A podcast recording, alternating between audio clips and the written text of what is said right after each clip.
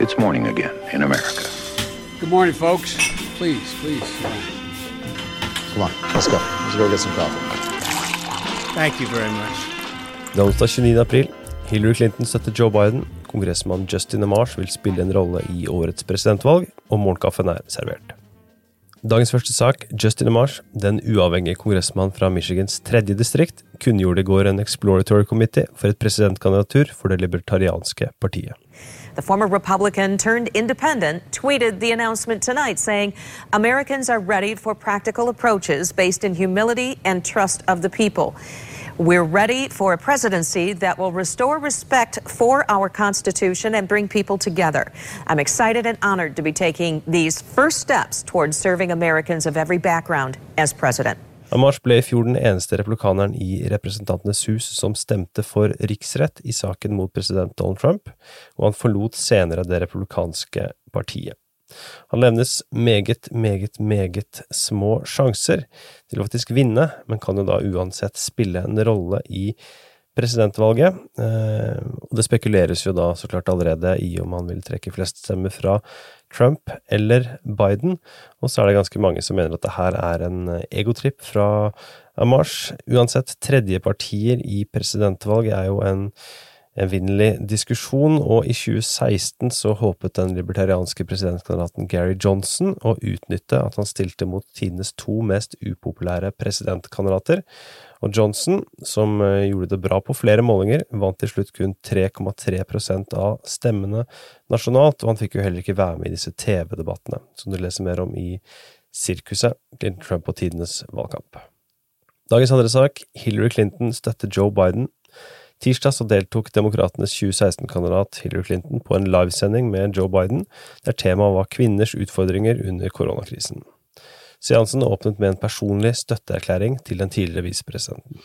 Thank you so much, Joe. It's a real pleasure to be here with you and to be part of this very important discussion. And I am thrilled uh, to be part of your campaign to not only endorse you, but to help highlight a lot of the issues that are at stake uh, in this presidential election. I've been in the you know lobby of the Senate. I've been in the cloakroom, and I've watched Joe bring people together. So for me, this is uh, a moment that we need a leader, a president like Joe Biden. I also know a lot about Joe, the person.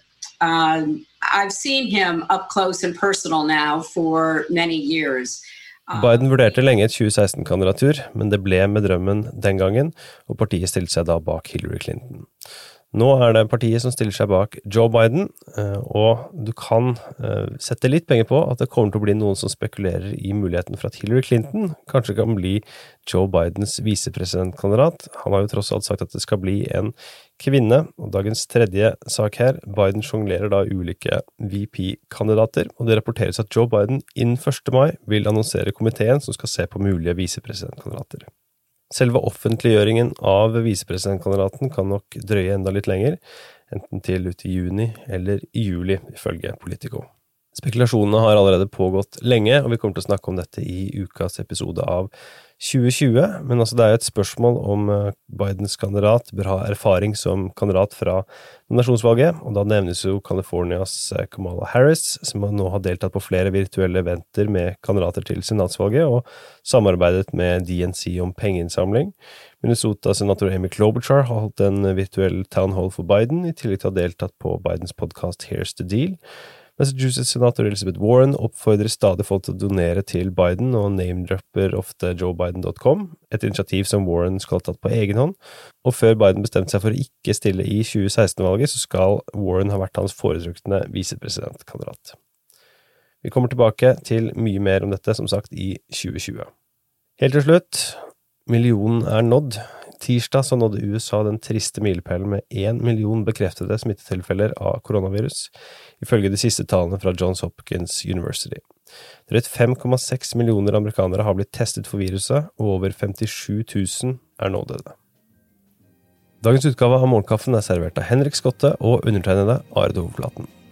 Du leser mer på amerikanskpolitikk.no, der vi bl.a. har med litt om koronatiltakene og deres støtte blant amerikanske folket. Og så må du som sagt sjekke 2020, som kommer i morgen, der vi tar for oss Bidens jakt på visepresidentkandidat.